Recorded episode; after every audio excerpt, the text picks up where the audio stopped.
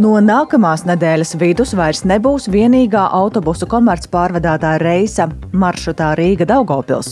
Radījumā pusdiena jau tūdaļ skaidrosim, kāpēc pieņemts šāds lēmums un vai tagad vienīgais sabiedriskais transports starp abām pilsētām būs vilciens. Grūzijā jau vairākas dienas plaši protesti pret likuma projektu par ārvalstu aģentiem. Protestētāji mēģinājuši ielausties arī parlamenta ēkā. Pusdienā plašāk skaidrosim situāciju šajā valstī. Un Latvijas darba tirgū sieviešu stāvoklis ne tikai neuzlabojas, tas pasliktinās, tā uzskata eksperti un liecina statistika. Eurostat dati rāda, ka Latvijā pērnu vīriešu algas bijušas par 23,3% augstākas nekā sievietēm. Arī par to jau tūdaļ plašāk raidījumā pusdiena.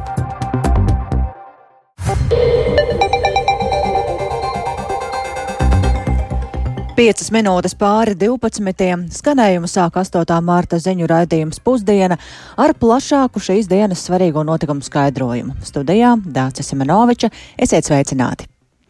Un vispirms par to, ka saima šodien beidzot galīgajā lasīmā ir ķērusies klāt ar valsts budžetu saistītajiem likumprojektiem, un kā ierasts lielāko daļu debašu laika izmanto opozīcija. Un likumprojektu izskatīšanas temps ir lēns. Sēmas priekšsēdētājs arī prognozējis, ka sēde varētu ilgt līdz pat pusnaktī. Notikumiem saimā līdzi seko arī Jānis Kīncis. Sveiks, Jāni! Sveika, Dārts, sveicināti klausītāji. Jā, šīs sēdes sākumā vispirms vairāk nekā stundu ilga debata saistībā ar rosinājumu no budžeta pavadošās likumprojektu pakas izslēgt grozījumus izglītības likumā. Tie, tie, tie tāpa kā sākums skolu tīkla reformai un paredzēja pārskatīt kritērijus, piemēram, par minimālo bērnu skaitu klasē. Apvienotā saraksta deputāti jau pagājušajā nedēļā iebilda, ka tas varētu nozīmēt vairāk nekā trešdaļas mazo skolu slēgšanu. Un šīs dienas sēdē vairāk opozīcijas deputāti pārmeta, ka kopā ar budžeta likuma projektu grib e, šādus teikšus e, virzītus liku, likuma grozījumus, varētu e, mēģināt saprast kā praksi, apiet ierasto kārtību, kā skatīt tik apjomīgu pasākumu izglītības komisijā par nozara atbildīgajā izglītības komisijā, kam šajā saimnes sasaukumā ir vairāki deputāti ar darba pieredzi izglītības jomā. Par šiem iebildumiem runājot, paklausīsimies progresīvo deputātes Antoninas Ņenašavas teikto. Tas liecina par to, ka vienotība neusticās ne profesionāļiem, ne koalīcijas partneriem, ne paši sev. Tas dusmas ir, ka tiešām mēs neusticamies un mēģinam izmantot pagrīdes metodus, lai veicinātu reformas. Protams, ka svarīgs ir ne tikai izglītības pieejamība reģionos, bet arī izglītības kvalitāte. Un šim mērķim mums vajadzēs pārskatīt skolu tīklu. Mēs patiešām atradīsim to drosmīgu veidu, kā optimizēt skolu tīklu, un nebaidīsimies arī šos nepopulārus lēmumus skaidrot sabiedrībai, kāpēc tie ir vajadzīgi. Pēc teju stundu ilgušiem pārmetumiem tribīnē kāp arī premjeras Krišjāns Kariņš no jaunās vienotības. Viņš atzina, ka par šo jautājumu patiešām ir vajadzīgas plašākas debatas. Savukārt izglītības un zinātnes ministra Anda Čakša no jaunās vienotības eh, paskaidroja, ka šāda reforma bija iecerēts virzīt ātrāk. Paklausīsimies arī viņas teikto kādēļ grozījumi tika iesniegti. Un pamatojums ir vienkārši. Ir skaidrs, ka mums ir vajadzīga kvalitatīva izglītība, bet atslēga atslēga kvalitātei ir skolotājs. Un šodien man uz galda stāv atalgojuma grafiks, un atalgojuma grafika resursi slēpjas tīklā. Un mums ir jāsaprot, ka mācīt viens pret viens ir ļoti labi. Bet jūs, tie, kas esat ņēmuši saviem bērniem privātu stundu, zinat, ko tas maksā. Un tādēļ es saku, kvalitatīva, pieejama izglītība par saprātīgu cenu bērnu un jauniešu skaits ir samazinājies par 30 un pat 40 procentiem atsevišķos reģionos. Mums ir ļoti rūpīgi jādomā par to, kā mēs mainīsim savu ekonomiku. Nu, lūk, pēc šo likuma grozījumu izslēgšanas no sēdes darba kārtības saima turpinājumā bez debatēm atbalstīja grozījumus pasta likumā, kas paredz, ka šajā gadā nepaaugstinās preses izdevējiem abonētās preses izdevumu piegādes izmaksas. Tāpat ir pieņemti likuma grozījumi, kas paredz palielināt valsts kultūra kapitāla finansējumu sasaisti ar akcijas nodokļu ieņēmumiem, un jau šajā gadā paredz to palielināt no nodokļu ieņēmumiem par, dabaks, par tabakas izstrādājumiem. Vēl gan piebildīšu, ka vairums priekšlikumu ir iesniegti šī gada un trīs gada budžeta plāna projektam, pie kura deputāti vēl nav tikuši. Priekšlikums ir iesnieguši pārsvarā opozīcijas deputāti, taču debašu ilgums nesola šiem priekšlikumiem atbalstu. Nu, karstākās sarunas ir sagaidāmas piemēram par finansējumu palielināšanu veselības aprūpas pasākumiem. Um, Un arī tiem, tiem arī valdība ir solījusi pievērst pastiprinātu uzmanību pēc apvienotā sarakstu uzstājības. Taču par to, kāds varētu būt šis diskusiju temps šajā sēdē, ir visai grūti prognozēt. Vai tā tiešām šodien arī noslēgsies vai nē, mēģināsim saprast ja turpmākajās stundās. Paldies, Jāni, tev par šo stāstījumu. Izklausās arī, ka tev būs darba diena gara sekojot tam visam līdzi. Es tikai piebildīšu, ka šorīt pāri desmit aktīvisti pulcējās uz saimā nepārstāvētās partijas par rīkoto piketu, arī prasot lielāku finansējumu veselības nozarei. Viņu vidū bija arī bijusī veselības ministre Ilza Viņķele. Un arī mēs noteikti sekosim līdzi, cik raiti šodien veiksies ar budžeta pieņemšanu un kuri būs galvenie klupšanas akmeņi. Te gan jāteic, ka Latvijas bankas prezidents Mārtiņš Kazāks šorīt kolēģim Laurim Zvejniekam sacīja, ka ideālu valsts budžetu nav redzējis.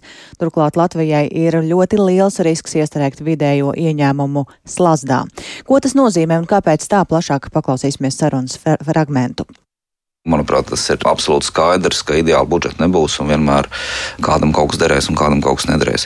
Es gribētu uzsvērt to, manuprāt, ļoti labo valdības apņemšanos veicināt ekonomikas transformāciju. Mēs redzam, ka Latvijas ekonomika īstenībā riskē iesprūst vidēji ienākums lasdā. Igaunija un Lietuva aug straujāk. Mēs redzam, ka iepriekšējos gados Latvijas ekonomika ir augusi lēnāk. Tas temps nav pietiekoši strauji, lai mēs ticamā un pārskatāmā nākotnē sasniegtu kaut kādu Eiropas Savienības vidējo līmeni. Līdz ar to Latvijas problēmas vienkārši ar saukli vairāk naudas pilnībā atrisināt nevarēs. Visas reformas, kas dara ekonomiku kvalitatīvāku, kas ļauj tai kļūt produktīvākai un iedzīvotājiem ilgtermiņā pelnīt vairāk, ir pamatu pamats. Attiecībā uz šo budžetu, protams, ir virkni lietu, kur naudas nepietiek. Visu uzreiz atrisināt nevar. Mans mudinājums ir jā, nu tiešām tajās sāpīgākajās lietās naudas iedot vairāk, bet vienkārši ar naudas došanu. Pirmkārt, valstī nekad tādas naudas nebūs, otrkārt, caurā spēlē mainīja. Ūdenlieta arī nav prātīga. Līdz ar to budžets ir tāds, kāds ir. Ejam uz priekšu, un galvenais uzdevums ir tiešām strādāt ar struktūrālo uzlabojumu lietām. Gan veselības jomā, gan izglītības un zinātnes jomā, gan inovāciju jomā. Vidējo ieņēmumu slasts, kas tas ir? Tas ir ekonomikā, diemžēl, plaši zināms fenomens, ka nabadzīgākas valstis sākotnēji diezgan strauji pietuvojas bagātāku valstu līmenim, un tad vienā brīdī nu, gandrīz vai iesprūst, sasniedz zinām līmeni, kur visas tās vienkāršākās priekšrocības ir izmantotas. Darbspēks vairs nav lēts, bet nav pietiekoši kvalificēts, investīcijas nav pietiekoši apjomīgi veiktas, nav pietiekoši gudras, un līdz ar to nu, tas cilvēks sasniedz un valsts sasniedz zinām līmeni, un pēc tam pakāpties augstāk vairs īsti nav iespējams bez būtiskām pārmaiņām. Un Latvijai šāds risks ir ļoti, ļoti reāls. Pašreizajā brīdī Latvijas ienākuma līmenis vidēji ir tuvu pie tiem 80%, 75, 80% no Eiropas Savienības vidējā. Mēs augam, bet aug arī pārējā Eiropa. Un noķert to Eiropu ar esošo ekonomikas struktūru, diemžēl mums nebūs iespējams. Vai no šī vidējā ieņēmuma slazda varēs izvairīties pateicoties jūsu pieminētajai ekonomiskajai transformācijai, ko piedāvā valdība? Ar nodokļiem vien mēs arī no šī ienākuma slazda neizvairīsimies. Jo pat ja mēs samazinātu nodokļus, nav teiks, ka cilvēks uzreiz darīs un uzņēmumi darīs sarežģītākas un dārgākas lietas. Līdz ar to tur ir vesela virkni dažādu lietu. Tā komentē Latvijas Bankas prezidents Mārtiņš Kazāks. No Daugopils uz Rīgu tikai ar vilcienu. No mēneša vidus plāno slēgt komerciālo autobusu satiksmi starp galvaspilsētu un Latvijas otru lielāko pilsētu. Un tas nozīmē, ka daudziem pasažieriem būs jāpārsēžas uz vilcienu. Starp abām pilsētām plāno saglabāt gan pāris valsts dotēto reisu, taču tie būs viena nedēļas nogalē. Kāpēc tā un kā to vērtē valsts? Zena stāstīja kolēģis Viktors Demīdovs, kurš pievienojas studijās veikts Viktor. Jā, sveicināti. Vispirms paskaidrošu, ka ir autobusu reisi, kurus finansē valsts, un tādi e, reisi, un tādi ir, ir te jau visi Latvijas autobusu maršruti, bet ir arī komerces reisi, kurus finansē tikai uzņēmums. Un, respektīvi, no valsts tas nesaņem ne centa. Un tādi Latvijā ir divi maršruti - Rīga Salaspils un Rīga Daugopils. Abi tiek nodrošināti jau pusotru gadu. Un, ja ar pirmo viss esot kārtībā, tad reisu uz Latvijas otru lielāko pilsētu situācija ir skumja. No 16. mārta uzņēmums Daugopils autobusu parks nolēmis satiksmi slēgt. Ja vēl pagājušajā gadā komersants dienā nodrošināja 3-4 reisus vienā virzienā, tad tagad dienā ir palicis tikai viens reiss. Kāpēc Daugopils autobusu parks tā ir nolēmis? Lūdzu, paklausīsimies uzņēmuma komercdirektoru Ārķumu Vengreviču. Tā ir maršruta no paša sākuma bija ļoti zema rentabilitāte pusotra gada laika perioda pakāpeniski tos slēdzot, arī uz esošo slēgšanu ietekmēja pasažieras plūsmas samazināšana. Ziemas periods, janvāris, februāris, varētu būt tur puse kaut kāda no autobusa vai divi trešās daļas. Protams, tas lēmums uzņēmumam grūts, jā, bet mēs kā uzņēmums arī nevaram atļauties, piemēram, strādāt ar zaudējumiem. Jā, viņš arī atzīst, ka ir diezgan grūti konkrēt ar vilcieniem, un ņemot vērā arī to, ka biļete autobusā maksā 12 eiro, bet eh, pasažieru vilciens eh, piedāvā teju par 5 eiro mazāk, jeb 7,25 eiro. Un, eh, jā, skaidrs ir komersanta pamatojums, bet ko par to saka valsts? Nu, paliek tikai vilciens tādā gadījumā. Jā, autotransporta direkcija atbild, ka vairums cilvēku pārvietojas ar vilcienu, kā jau minēju, tas ir lētāks, turklāt arī ātrāks un kursē biežāk.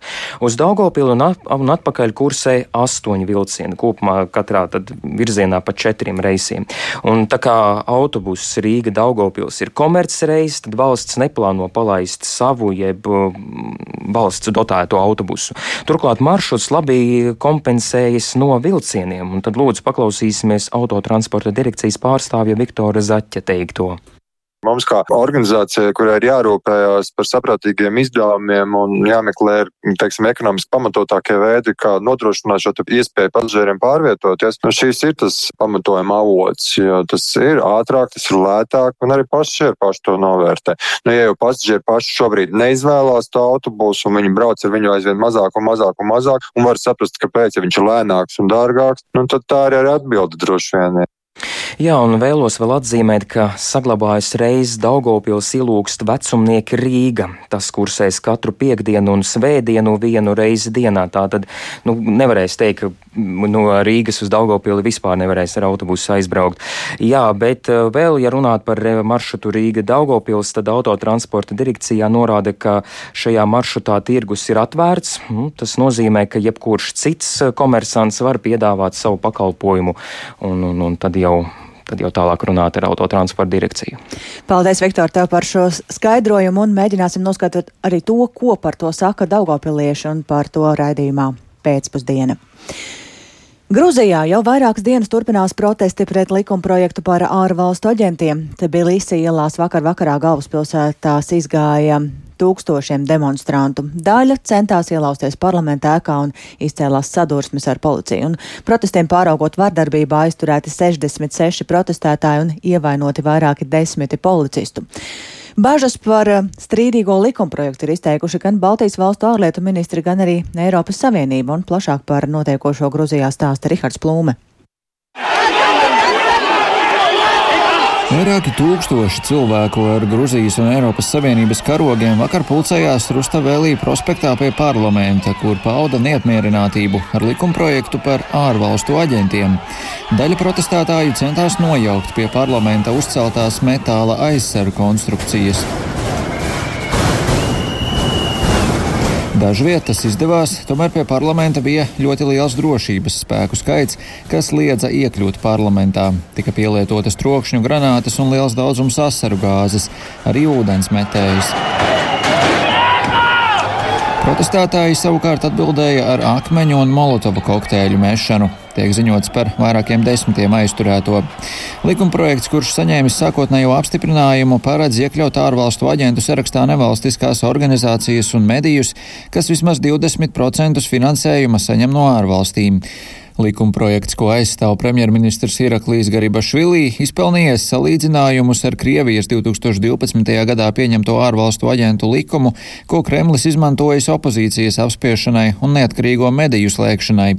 Gruzijas prezidente Salome Gurabašvilī, kas šobrīd apmeklē ASV, atcēla visas tikšanās, lai teiktu uzrunu tautai.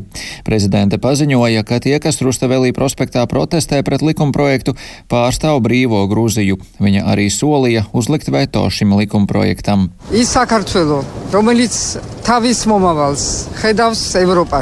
Es stāvu jūsu pusē. Šodien jūs pārstāvat brīvo Grūziju. Grūziju, kas savu nākotni redz Eiropā un nevienam neļaus šo nākotni atņemt.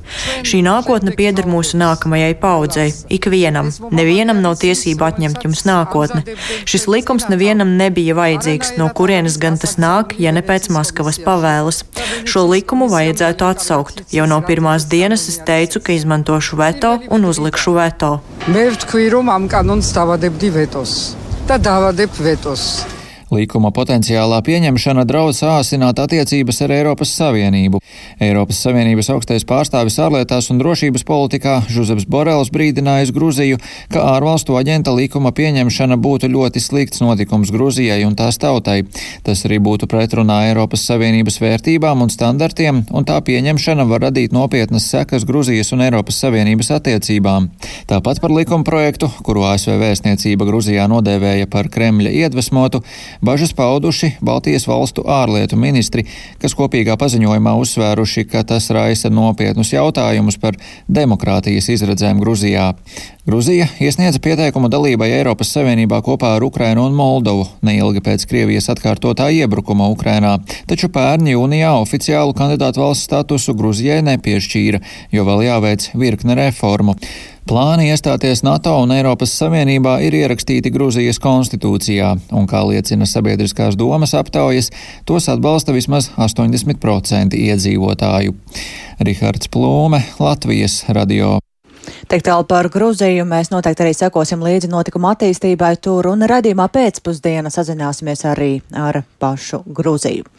Bet šodien, 8. martā, visā pasaulē un arī Latvijā atzīmē Starptautisko sieviešu dienu. Arī dažādos pasākumos sievietēm pievēršot īpašu vērību. Ja runājam par Latvijas darba tirgu, tad tajā sieviešu stāvoklis ne tikai neuzlabojas, bet pat pasliktinās. Tā uzskata eksperti un liecina statistika. Pastāv liela atšķirība starp vīriešu un sieviešu atalgojumu, bet sabiedrībā joprojām savukārt ir cieši iesakņojušies stereotipi par sieviešu un vīriešu profesijām un to, ka sievietēm var maksāt mazāk, jo galvenie pelnītāji ir vīrieši. Viedokļus par sieviešu stāvokli darba tirgu ir apkopojusi Zana Eniņa. Uzkopšanas servisa uzņēmuma Soul Baltics mājaslapā internetā darba sludinājumos teksts ir dzimtas neitrāls. Ir apkopējis sētnieku vai sētnieču uzkopšanas speciālistu vakances. Taču attēlos pie sludinājumiem galvenokārt redzamas jaunas sievietes, kuras darbojas ar lupatu, slotu vai velk rokās gumijas cimdus. Uzņēmuma pārstāvis skaidro, ka fotografijās gribējuši parādīt īstus darbiniekus, nevis modeļus, un tā nu esot iegājies, ka šajās profesijās lielākoties strādā sievietes. Stāst uzņēmuma cilvēku resursu un kvalitātes vadītāja Evelīga Robīnski. Uh, uh, Latvijā mums ir 500 darbinieku un 77% ir sievietes. Ja skatāmies, piemēram, rietumu pasaulē, šajā biznesā redzam vairāk vīriešu. Varbūt šeit cilvēki vairāk uzskata, ka uzkopšana ir sieviešu darbs. Like for, for, for Kaut gan Igaunijā bāzētā firma regulāri atskaitās augstākajai vadībai par to, kā ievēro dažādus sociālās iekļaušanas principus un pat vēl vēlētos, lai darbā piesakās vairāk vīriešu, sabiedrībā valdošie stereotipi par to, ka sievietes telpas iztīrīs labāk, acīm redzot, izrādījušies spēcīgāki. Taču no stereotipiem nav nekāda labuma. Svarīgs ir konkrētā darbinieka pienesums un cilvēku dažādība. Ir pārliecināts desmit uzņēmumus ietverošās pārvaldītāja sabiedrības draugiem grupu pārstāvis Jānis Palkaunieks. Ja mēs būtu pāris vienādi cilvēki, vienāda vecuma, vienāda dzimuma, vienāda izglītība, vienādi domājoši, diez vai mēs radītu produktu, kas interesē miljoniem cilvēku. Palkaunieks arī pajoko. Ja sievietēm varētu atļauties maksāt mazāk, visi nodarbinātu tikai sievietes. Taču Eurostat dati rāda, ka Latvijā pērnu vīriešu algas bijušas par 23,3% augstākas nekā sievietēm. Tā ir lielākā atšķirība Eiropas Savienībā. Lai to mainītu, nepieciešama aktīva valsts institūciju iesaiste. Uzņēmumi uzņēmumiem izvirzot stingras prasības, kā tas ir Skandināvijā. Tā uzskata Latvijas Universitātes asociētā profesora Marita Zitmane, kura pētījusi dzimtes stereotipus. Turpina Marita Zitmane. No teorijas to sauc par valsts vadītu feminismu ka valsts apzināti dzimumu līdztiesību liek kā prioritāti un tad, tad problēmu risinājums meklē caur dzimumu līdztiesības arī prizmu. Pētniece norāda, vēl viens dziļi iesakņojies stereotips ir par vīrieti kā galveno pelnītāju un apgādnieku, tāpēc sievietēm var atļauties maksāt mazāk. Latvijā sievietes tik tiešām daudz biežāk nekā vīrieši strādā zemu atalgotās nozarēs, kā medicīna un izglītība, kurās arvien skaļāk izskan brīdinājumi par darba roku trūkumu un dziļu krīzi. Sabiedrības integrācijas fondā savukārt kā pozitīvu tendenci izceļ to, ka sievietes arvien biežāk apzinās, ka darbā tiek diskriminētas un ziņo par to. Darba devējiem arī esot liela interese par programmām iekļaujošas darba vides veicināšanai. Turpina Sabiedrības integrācijas fonda vadītāja Zēga Pūce. Tad mums ir arī tāds pašvērtējums, kas ir darba devējiem. Tur mums ir vairāk kā simts darba devēja salīdzinoši nesens viņš ir, un vairāk kā simts darba devēja jau ir pieteikušies, lai viņi izietu, nu, tā teikt, šo te savas darba vides vērtējumu, vai viņi ir pietiekami iekļaujoši, dažādību akceptējoši uzņēmums. Jāatgādina, ka Eiropas Savienībā pērn apstiprināta prasība lielajos biržā kotētajos uzņēmumos līdz 2026. gada jūlijam veikt pasākumus, lai palielinātu sieviešu pārstāvību vadošos amatos. Zēga Pūce minēja, ka iespējams derētu apsvērt līdzīgu kvotu sistēmu ieviest plašāk, ja citiem līdzekļiem dzimumu vienlīdzību darba tirgu neizdodas panākt. Zana Eniņa, Latvijas radio. Atzīmējot sieviešu dienu pirms pusstundas Rīgā sākās centra Marta rīkotais sieviešu solidaritātes gājiens pret vardarbību. Tas notiek piekto reizi un šogad tajā uzsver nepieciešamību izskaust vardarbību pret sievietēm un vardarbību ģimenē. Gājienā piedalās arī kolēģi Agnija Lazdiņa. Viņu esam šobrīd sazvanījuši. Sveika, Agnija, un kur tu šobrīd esi vai gājiens jau ir noslēdzies? Labdien! Uh, jā, var būtībā teikt, ka gājiens ir noslēdzies. Tas sākās Doma laukumā pulkstens pus 12. un tur sākotnēji ar iedvesmojošām sarunām uzstājās trīs sievietes - žurnālistīna Saliepiņa, latviešu jauniešu delegāte Ano Melisa Matvejeva un uh, Ukrainas projekta koordināta centrā Martā Natālija Čudajeva. Un uh, runātājs no dažādiem skatpunktiem tātad iezīmēja šo vardarbības ģimenēm, vardarbības pret sievietēm tēmu. Ja runājam par cilvēku, cilvēkiem, tad uh, putenis nevienu no, nebija nobaidījis, un cilvēki stāvēja. Tie bija aptuveni kā 200 cilvēki, varētu būt. Un tad no doma laukuma pēc tam visi virzījās uz, uh, uz jēkaba laukumu, kur cilvēki ar dažādiem saukļiem uh, cīnījās un skaļi teica savu viedokli par sieviešu tiesībām. Paklausīsimies, ko te paši dalībnieki saka. Man šķiet, ka ir ļoti svarīgi, lai gan, protams, Latvijai situācija ar sieviešu tiesībām iespējams ir labāka kā citos kontinentos un citās valstīs, bet ir svarīgi atcerēties, ka, kas saka, cīņa par savām tiesībām vēl turpinās un uh, ir svarīgi atgādināt to, ka mums ir visām sievietēm, meitenēm ir tiesības, nezinu, un vienlīdzīgu attieksmi uz tādu pašu algu, tādos tajos pašos amatos, un tā ir uh, laba diena, ka to to atgādināt, bet gribētos, lai mēs par to runātu ne tikai 8. martā, bet vispār katru dienu.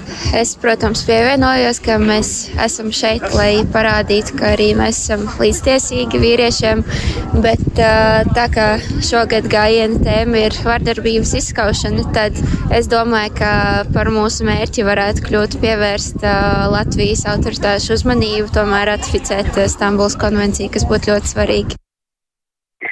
Jā, tēma ir līdzīga gadu no gada, taču šogad uh, pasākumu organizētājiem ir īpaši šķita svarīgi aktualizēt šo tēmu par vardarbību pret sievietēm un vardarbību ģimenē izskaušanu, balstoties uz to, ka gan pēc Covid-19 pandēmijas vardarbības skaits Latvijā palielinājās, un kā arī ņemot vērā notikumus Ukrainā, proti, ka kara apstākļos pirmās parasti tieši tieši sievietes.